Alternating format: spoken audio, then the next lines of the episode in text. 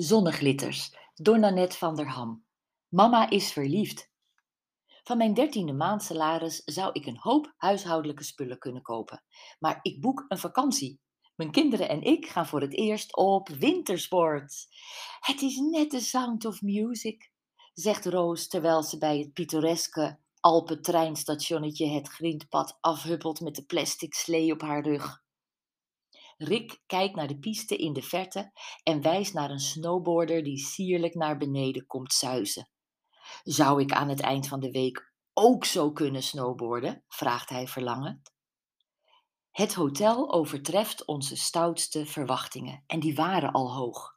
Een groot zwembad met whirlpools, overvloedige buffetten in de eetzaal, een eigen keukentje en twee tweepersoonsbedden. Papa kan ook komen, joelt Roosmarijn springend op het bed.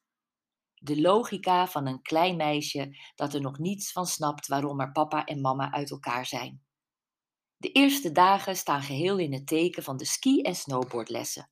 We eten onze buiken vol en vallen met rode wangen in slaap. En op de vierde dag gaan we zwemmen.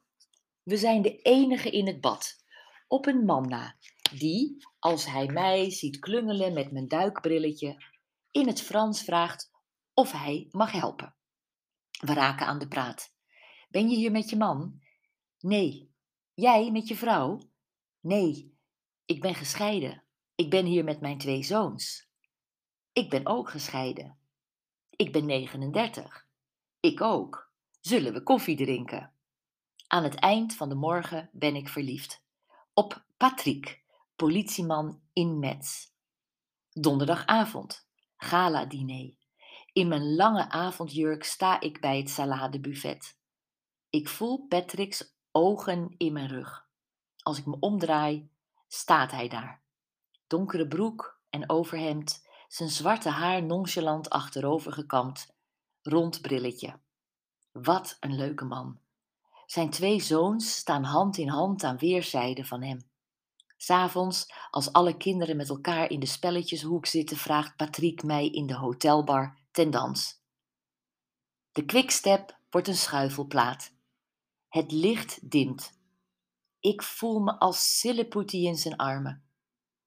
Als de muziek is afgelopen, kijken we elkaar verhit en verlegen aan. Quelque chose a passé. Patrick wil een eindje lopen. Buiten sneeuwt het. We lopen gearmd richting het dorpje en zeggen niets. Onder het luifeltje van de banketbakker kussen we elkaar. Het voelt heerlijk en ik zweef weg op een langsdwarrelend sneeuwvlokje. Patrick's handen zijn overal, de mijne ook.